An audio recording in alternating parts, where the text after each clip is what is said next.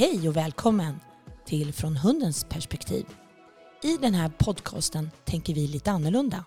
Vi tänker Hur tänker hunden? och kommer att analysera situationer och händelser ur hundens perspektiv så att vi ägare kan förstå våra fyrbenta bättre. Jag heter Åsa och har 20 års erfarenhet av hundars beteenden. Reser över hela Sverige och möter olika ekipage. Och min specialitet är problembeteenden. Och idag kommer vi att prata om samarbete med våra hundar. Hej och välkomna till vår podd. Idag ska vi prata om samarbete mellan förare och hund, bland annat. Ja, ett spännande ämne. Samarbete är ett stort ämne och det är många delar som vi vill ta upp idag. Så vi kör igång helt enkelt. När vi pratar samarbete så har vi ju lite olika delar som vi har vi måste ta upp. Det är ju hur vi belönar vår hund, hur vi har samspelet med vår hund, yttre faktorer och lite sånt. Men om man pratar lite valpt om vi börjar så att säga från början. Så tycker jag att det är viktigt att vi är nära våra valpar. Att vi använder taktila signaler. Taktila signaler är beröring, alltså klappar, smeka på kinden etc. Beröring är en viktig del och det kan vi använda under hela hundens liv som en social belöning. Ett leende från mig och en verbal signal är ju också social belöning. Varför tar jag upp den sociala belöningen idag tillsammans med samarbete? Jo, det är det som jag fokuserar på när jag får hem min valp. När Engel kom hem till mig så var det första jag gjorde var att sticka ut i skogen. Satte mig på en stubbe och började kommunicera helt enkelt. Kommunicera kan vi göra på många olika sätt med verbala signaler, vårt kroppsspråk och på den vägen bygger vi en ren av kommunikation. Vad är det för skillnad när vi pratar kommunikation tillsammans med belöningar som en godbit eller en leksak? För mig är det helt olika saker. Därför har jag sällan med mig godbitar när jag tar med mig valpen ut för att jag vill jobba med mig själv. Jag vill att Engel ska föredra mig som nummer ett. Nummer två, ja då kan det vara en godbit eller en leksak. Men jag vill alltid att han väljer mig först. Vi kommer att gå djupare in på det här. Och då har vi ju fördelar med den sociala belöningen har vi också att vi faktiskt alltid har den med oss. Om vi går ut i hela hundens liv. För att förr eller senare när vi går ut så kommer vi glömma leksaker, vi kommer glömma ha belöningar i fickan och så vidare. Men den sociala belöningen har vi alltid med oss, eller hur? Precis. Men det är också väldigt lätt att glömma den sociala belöningen. Och hur menar jag då? Jo, så här. Om jag har en påse med godbitar i min ficka. Jag kanske har två påsar i en varsin ficka det är lätt för mig att bara stoppa ner handen i fickan och ta fram den här godbiten och ge min hund. Delvis är det väldigt självbelönande för mig som förare men jag får snabbt en effekt på min hund. Alla hundar kan äta saker och ting. Istället för att först kommunicera med ett leende, en verbal signal och sen stoppa ner handen i fickan och ge en godbit. Vad är det för skillnad Modde? Om man bara tar upp godbiten ur fickan så är det ju så att det blir ett, om man nu kan kalla det samspel mellan hunden och fickan. I, I de andra fallen när du faktiskt ger en leende, du ger en verbal signal och så vidare, då blir ju faktiskt samspelet med dig som förare det som blir det viktiga. Det vill säga du blir nyckeln till att få någonting ytterligare. Om det nu ska komma någonting ytterligare eller inte. Utan hunden blir också nöjd och den eh, känner att den gör ett bra jobb genom att du bekräftar att det här är rätt. Och där har vi också ett exempel med eh, Arnold som ni hörde, eller ni hörde inte Arnold, ni hörde Karl prata om sin hund Arnold i ett tidigare avsnitt. Där var en av de sakerna vi faktiskt var tvungna att ändra på. För Karl hade bara stoppat handen i fickan, Arnold såg fickan och såg inte ens att Karl var med egentligen. Utan det blev ju bara en ännu större problematik för att Arnold ville bara ha sitt godis och när godiset inte kom så kunde han göra sina utfall för att det fanns inget värde i att vara kvar. För att Karl fanns inte med i hans bild helt enkelt. Nej, precis. Och det är just det det här avsnittet handlar om. Vi tycker om belöningar och det ska vi fortsätta att jobba med. Men det vi säger idag är att vi också vill ha den sociala belöningen tillsammans med godbiten eller leksaken. Så ingenting utesluter det andra. Nej, absolut inte. Men den sociala belöningen är viktig och den glöms gärna bort. För att vi är, vi är helt enkelt dåliga på att använda den, många av oss. Ja, jag brukar skratta om det här att man får gärna komma till min lilla teaterkurs. Alla brukar säga att Åsa, den här galna Åsa som springer runt på planen eller på promenaden och är en, bara en stor pajas. Det finns lite allvar faktiskt i den här pajasen. Även fast det inte kanske passar alla att vara en pajas så behöver vi träna det här. För det här är inget självklart som alla har. För mig känns det naturligt, lite för övernaturligt faktiskt. Men jag bjuder på det. Eh, men att hitta en nivå som passar just dig. Nu är vi här igen och individanpassar all vår hundträning. Det ska alltså fungera både som dig som hundägare och det ska också passa hunden. Och det är så att, som Åsa tar upp här, med att det är naturligt för henne, vilket det väldigt mycket är, och det har vi många, många exempel på, många hundar som svarar på hennes energier. Men om man tittar på mig själv så är det så att det här är någonting jag har fått jobba väldigt, väldigt, väldigt mycket med. Jag är, som säger, född i oxens tecken, jag är född att vara lite grinig och sur. Så har jag blivit irriterad och sur, då är jag sur. Och det här känner ju min hund av. Och då finner han ingen anledning att vara kvar min sida, utan då kan han gå till Åsa eller så gör han ingenting alls. Så det här har jag jobbat väldigt, väldigt mycket med, med mig själv. Och jag märker ju en skillnad på när jag jobbar med den sociala belöningen, när han faktiskt förstår vad jag vill och vad jag inte vill. För att är det så att jag tappar humöret så är det också så att hunden, det är inte bara det att han inte vill vara där för han tycker det är otrevligt, utan allting blir också oklart för hunden. Den vet inte vad jag vill för att jag blir bara en stor grå massa. Och i det här läget ta upp en godbit kommer inte att ge något bra resultat för hunden kommer inte förstå någonting om vad det är, faktiskt är jag belönar. Om vi kommer nu till den punkten att den här godbiten ska betyda någonting för det hunden just gör. Hur ska vi då kunna förmedla det på, som ett exempel Modde? Hur man ska göra för att få en rätt belöning med, med eh, godbitar eller föremål så ska det vara en balans naturligtvis mellan din social belöning, värdet på det du ger hunden. För det är så att alla hundar älskar inte mat, alla hundar älskar inte föremål. Och det ska också sättas i proportion till vad är det egentligen vi försöker lära in. Är det till exempel ett sitt, om man gör det hemma utan störningar någonstans, då är det ju så att det många gånger räcker faktiskt med hundens foder. Det behövs inte vara någonting mer. För att kopplas den ihop med den sociala belöningen så kommer också maten i det här fallet ge ett högre värde.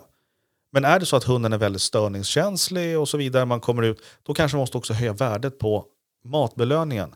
Men den sociala belöningen ska alltid, alltid kvarstå. Och den sociala belöningen kommer alltså alltid först. Så jag kan till exempel säga bra sitt och sen kommer mitt belöningsord yes betyder godbit. Ja, och det är ju så att vi har ju belöningsord på allting så att hunden vet om det kommer ett föremål eller en godbit. I vårt fall så betyder yes att det kommer en godbit. Om vi säger japp eller take så är det ett föremål. Och det är för att matbiten eller föremålet ska levereras i två olika känslor. Hur leker vi med våra hundar, Modde? Ja, det beror på vem du frågar. Det finns väl lika många leksätt som det finns ägare och hundar egentligen. Och hundarna, om man tittar på hur våra hundar leker i vår flock så leker de på ett sätt. Leker de med mig så är det på ett och leker de med dig eller vår dotter eller söner så är det på ett helt annat sätt. Så frågan är väldigt stor. Men det som vi vill ha och det som egentligen finns i grund och botten det är ett samspel mellan mig och hunden. Vi leker tillsammans. Så att inte hunden leker för sig eller jag leker för mig, för, för mig själv och det blir egentligen två separata lekar. Utan vi vill ha ett samarbete. Vi ska leka tillsammans allihopa. Och det här med leken, jag får många frågor. Det här eh, kan staplas upp faktiskt i en hel bibel. Min hund vill inte leka med mig. Min hund vill inte komma in till mig.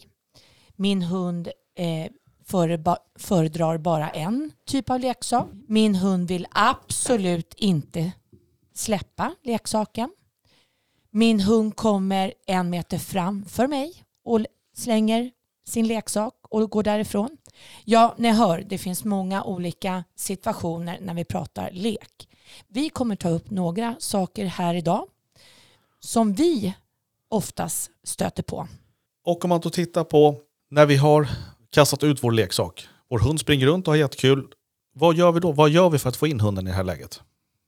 Ja, jag tycker ju beroende på individ och ras så är ju ytorna där vi befinner oss på väldigt viktigt att tänka på. Ju större ytor, alltså vi pratar en stor äng, eller om jag faktiskt är, sitter på toaletten, skämt åsido, men mindre ytor, eh, spelar roll. Varför då, Modde? Det är så, ju större ytor, desto mer springerbenen brukar de flesta hundar få. Ju mindre ytor de har att röra sig på, desto mindre springerbenen har de oftast. Och oftast brukar det se ut så att när vi har leksaker inomhus så ligger de lite utspridda. Och valpen kan ta den när den själv vill. Och den kan också släppa leksaken när den själv vill. Vad är det för skillnad när jag plockar fram en leksak ifrån västen då, Modde? Vi, till att börja med om vi ska ta det från grund och botten, så har ju vi aldrig leksaker liggandes hemma. Just för att vi vet inte, det kan påverka bettet hos hunden, den lär sig tugga på allting. Och den kan också göra så att den helt enkelt tappar intresset för föremål. För den har alltid tillgång till föremålen. Så det är en nackdel alltså? Finns det inga fördelar att man har leksaker hemma? Jo, hunden kan ju leka om den lär sig leka själv på ett bra sätt eller den har sina andra flockmedlemmar den kan leka med och så vidare. Men vi kan också bygga upp ett resursförsvar om en hund har en leksak som den tycker är sin och sen så ska antingen vi dit eller någon annan hund eller någonting ta den och då kommer den säga att den här är min. Så att personligen tycker jag det är större nackdelar att ha leksaker framme hela tiden än att inte ha det. Det här spelar väl också roll vilken individ man har? Ja, det spelar alltid roll vilken individ man har. Det är ju inte rasbundet på något sätt utan det är ju individen med både som vi har pratat om i tidigare poddavsnitt, genetiska och sociala arvet. Hur kan man göra då det här på bästa sätt? Jag har fått hem valpen och jag vill för första gången samarbeta med min valp med en leksak som jag har gått och köpt som kostar 350 spänn. Det var en dyr leksak. Ja. Till att börja med när vi börjar leka med valparna så har vi billiga leksaker. Vi tar en gammal strumpa eller någonting sånt. Något litet som hunden lär sig att hålla i. Vi kampar, vi har ett litet, litet om man får uttrycka tryck i leksaken så att inte hunden lär sig tugga på den. Och sen när vi ska komma till den delen, losset då, hur gör vi då? Ja, det här losset, det behöver vi tio egna avsnitt av, tänker jag. Minst. Minst. Det kommer vi lite senare med, så ni får hålla kvar här avsnittet. Vi pratar alltså avsnitt fem, samarbete. Ja, vi har en godbit i handen och vi försöker få loss. Vi sätter godbiten mot nosen på vår lilla valp och försöker få loss. Men vi har kvar föremålet så att vi inte drar bort den så att den känner så fort den släppt att den blir av med sitt föremål. Utan den hänger fortfarande kvar. Och det här ser man ju väldigt ofta tycker jag att losset behandlas som en avledning och när vi placerar den här godbiten för att hunden ska släppa så flyger den här leksaken bakom ryggen och försvinner. Så här bygger vi ju per automatik till att hunden inte vill släppa för varje gång vi ger en godbit så försvinner den. Och det är så att när vi har börjat lära in losset, vi har den här godbiten, vi säger loss och sen rycker vi undan leksaken och den försvinner. Hunden upplever ju det här läget att ja, jag får min matbelöning i bästa fall, men föremål försvinner. Och om vi gör det varje gång så kommer hunden till sist säga att jag tänker inte släppa den här för att föremålet har ett större värde än det jag faktiskt kan erbjuda i matväg. Och det här kommer ju leda till en konflikt även om det inte fanns en från början. Men om man då har det här, vi har losset, vi har allting. Vad kan vi göra då? Vi har kvar föremål framför, vad ska vi göra sen?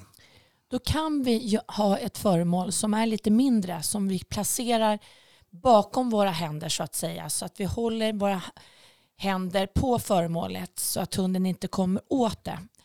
Och när valpen väljer per automatik att ta kontakt med oss, då ger vi en signal till att hunden kan få ta den igen. Och det här kan vi döpa till. Eh, till kontakt, titta, watch. Så hunden i slutändan släpper leksaken, håller, ifrån, håller sig ifrån den, tittar på mig och sen blir belöningen att få ta leksaken igen. Ja, och då har vi faktiskt fått till ett loss i det här läget att vi lär hunden släppa, hunden lär sig backa ut från föremålet, hunden lär sig ta kontakt och vi får eh, signal eller en stimuluskontroll i slutändan på att hunden vet att den får tillbaka leksaken när jag ger signalen. Och det här kan vi ju också förvalta i vårt kära skyddsarbete. För det är ju någonting som Modde och jag tränar med våra hundar. Även den lilla pudeln på 4,2 kilo. Hur gör vi då Modde? Ja, i skyddsarbetet, och då kan man ju tillägga också att skyddsarbetet är ju egentligen till för alla hundar, alla raser. Det finns ingen begränsning på den biten. Sen är det ju om du ska ut och tävla så är det ju det här lite regler för att du måste ha bruksraser i många delar och sånt. Men träningsmässigt så är skyddsarbetet väldigt, väldigt bra för de flesta hundar, eller för alla hundar egentligen. Men losset är ju någonting som kan bli en problematik i skyddet för att hundarna går upp i sådana drifter. För de tycker oftast att det här är så pass kul och det är jättekul att bita. Men då släppa och tappa det här stora bytet som finns kan vara en problematik. Men har man gjort det här från grunden, det vill säga att man har lärt hunden att eh, släppa i mycket, mycket lägre drifter. Och även om man tittar, man haft en sån valp, det här med den här lilla skitiga strumpan som den har lärt sig släppa och sådana bitar. Så bygger man sakta men säkert därifrån till en större föremål, större föremål, större föremål. Till sist har man en bitkil, en eh, teknikärm och sen har man en helärm. Och då är det inget konstigt för hunden för den vet att släpper den så antingen så fortsätter bitarbetet, man får ett bett igen, eller så händer någonting annat. Men den vet att den inte alltid till 100% blir av med sitt föremål eller sin, sitt byte som den ser det i det här läget. När hunden har släppt sitt föremål, oavsett hur stort det här föremålet är, hur viktigt är det då Modde, hur, vad placeringen på hunden är? Det här med att backa, du nämnde det här att hunden ska backa ifrån. Hur tränar jag det? Det gör jag redan från valpstadiet, att när jag har min godbit i handen och föremålet i den andra. När jag säger loss, då för jag den handen lite bakåt så hunden redan där tänker lite, lite bakåt i sitt släppande. Och det här har jag även nytta för i när vi pratar apporteringen. När jag har hunden och säger loss att hunden lär sig backa ut från apportbocken. Och framförallt då i IGP där hunden har ett frontsit, alltså den sätter sig framför mig. Och när vi har vår valp så har vi en fördel att vi har en valp. Men det är också så att man kan ju ta, om man inte har tränat det eller man tar en hund som inte har tränat det, så är det ju egentligen inte frågan om att det är en valp, utan det är frågan om att det är en valpträning eller grundträning är det egentligen. För det är dumt att säga valpträning egentligen, utan det är en grund. Vi måste utgå från den hunden och den föraren. Var ligger, var ligger de någonstans? Kan de det här eller kan de det inte? Vill de göra eller vill de inte göra? Men allting går att träna på alla hundar. Vi har pratat lite grann om losset i vårt avsnitt nummer fem, samarbete. Vi vill också ta upp något som vi tycker är viktigt, det här med att komma in med en leksak. När vi har hunden framför oss och tränar loss, då har vi oftast inte några avstånd till en början. Men när vi nu har valpen eller unghunden oavsett ålder och vi har en leksak som hunden har fått så föredrar vi ah, mindre ytor har vi nämnt. Men också att vi kan ha en lina eller ett lite längre koppel så att hunden inte är lös och den kan dra iväg hur långt som helst och det blir negativt av det hela att jag får jaga hunden. Det här är en väldigt vanlig situation att till slut är det faktiskt hunden som blir jagad av föraren och inte tvärtom. Eh, så det underlättar jag med att begränsa hundens ytor. På det så lär jag hunden tydliga regler. Vi kan kalla det lekregler. Vilket innebär när jag vill att Engel skulle komma in med sin leksak så la jag kommando. Engel, får jag bollen? Och det innebär jag bjuder in honom och här kommer vi också att prata om hur ser vi ut i kroppsspråket. Oftast så går vi emot och vi sträcker ut handen och vi böjer oss över. Allt det där är ju faktiskt hotfullt. Det har vi pratat om i tidigare avsnitt om våra signaler. Hur kan vi göra då istället? Jo, vi kan vända oss ryggen till, vi kan sätta oss ner på huk, vi kan jobba hela tyngdpunkten bakåt och inte tänka på att de här händerna ska flyga fram så att hunden lär sig att vara en meter ifrån mig. För det är ju det avståndet som mina händer räcker. Det är där jag brukar ta föremålet eller hunden släpper. Och det ser vi också i vår kära apportering att hundarna vill inte riktigt komma in hela vägen. Och det är väl för att de har lärt sig att vi möter upp dem med vår hand och arm. Vilket inte alltid hunden upplever som positivt. Jag lär alltså hunden en signal på att komma in. Engel, får jag bollen? Jag leker och jag behöver inte alls göra ett loss varje gång hunden kommer in utan jag kan kampa och sen kan jag släppa iväg min ängel igen. Och på det viset lär sig ängel också att leken fortsätter. Där har jag också signal. En signal som heter okej, okay, du får gå igen. Så ramsan heter Ängel, får jag bollen? Jag leker med Ängel. Vi kampar som galningar och jag släpper iväg honom och då heter det okej. Okay. Och det är så att den här biten har man oftast för bråttom med. När man står och försöker ropa in sin hund, hunden inte kommer, man blir mer och mer irriterad och någonstans tror att hunden ska komma i det läget, vilket absolut inte kommer ske. För om hunden inte vill komma in när du låter glad och positiv så kommer den inte komma in när du blir sur och irriterad. Den biten undviker vi helt och hållet med att vi har lina eller koppel på vår hund, så den har inte de ytorna. Men den kan fortfarande röra sig. Och där hade vi ju en ganska kul incident för många år sedan när vi tränade en hund med eh, just den här biten att den inte ville komma in på gärdet. Och jag står och håller i linan, Åsa står med kunden. Och eh, kunden börjar ropa in och sen förstärker Åsa med den här inkallningen. Får jag bollen, får jag bollen och låter väldigt positivt. Och det slutar då med att det helt plötsligt står 10-15 hundar som kommer in för att de tyckte att det här lät jättetrevligt och jätteroligt. Och eh, den ägaren som bor kring Gärdet då på, i Stockholm har eh, efter den här träningen så har hen tagit fram det här, och, men hon, hen kan inte köra det här på Gärdet. För när hon låter den här glada positiva så kommer massvis med hundar springandes. Så det här har hon fått ta ut i skogen och börja träna istället. Så just den här positiva sociala belöningen fungerar och den fungerar väldigt snabbt. Om vi då har en hund som bara vill äga sitt föremål. Den vill aldrig släppa. Jag försöker, jag försöker få det här jäkla losset att fungera men jag får ingen effekt på det här. Då finns det ju faktiskt andra vägar att gå. En som är väldigt vanlig i Sverige, eh, den kallas för byteslek. Hunden lär sig att gå mellan två eller tre, fyra saker. Den får släppa och ta en ny. Den får släppa och ta en ny. Jag kan säga så här. Jag har ju Engel. Det fungerade aldrig. Jag gav inte mig ens in på den metoden. Vad gjorde jag istället? Jo, jag lärde honom att ta flera saker.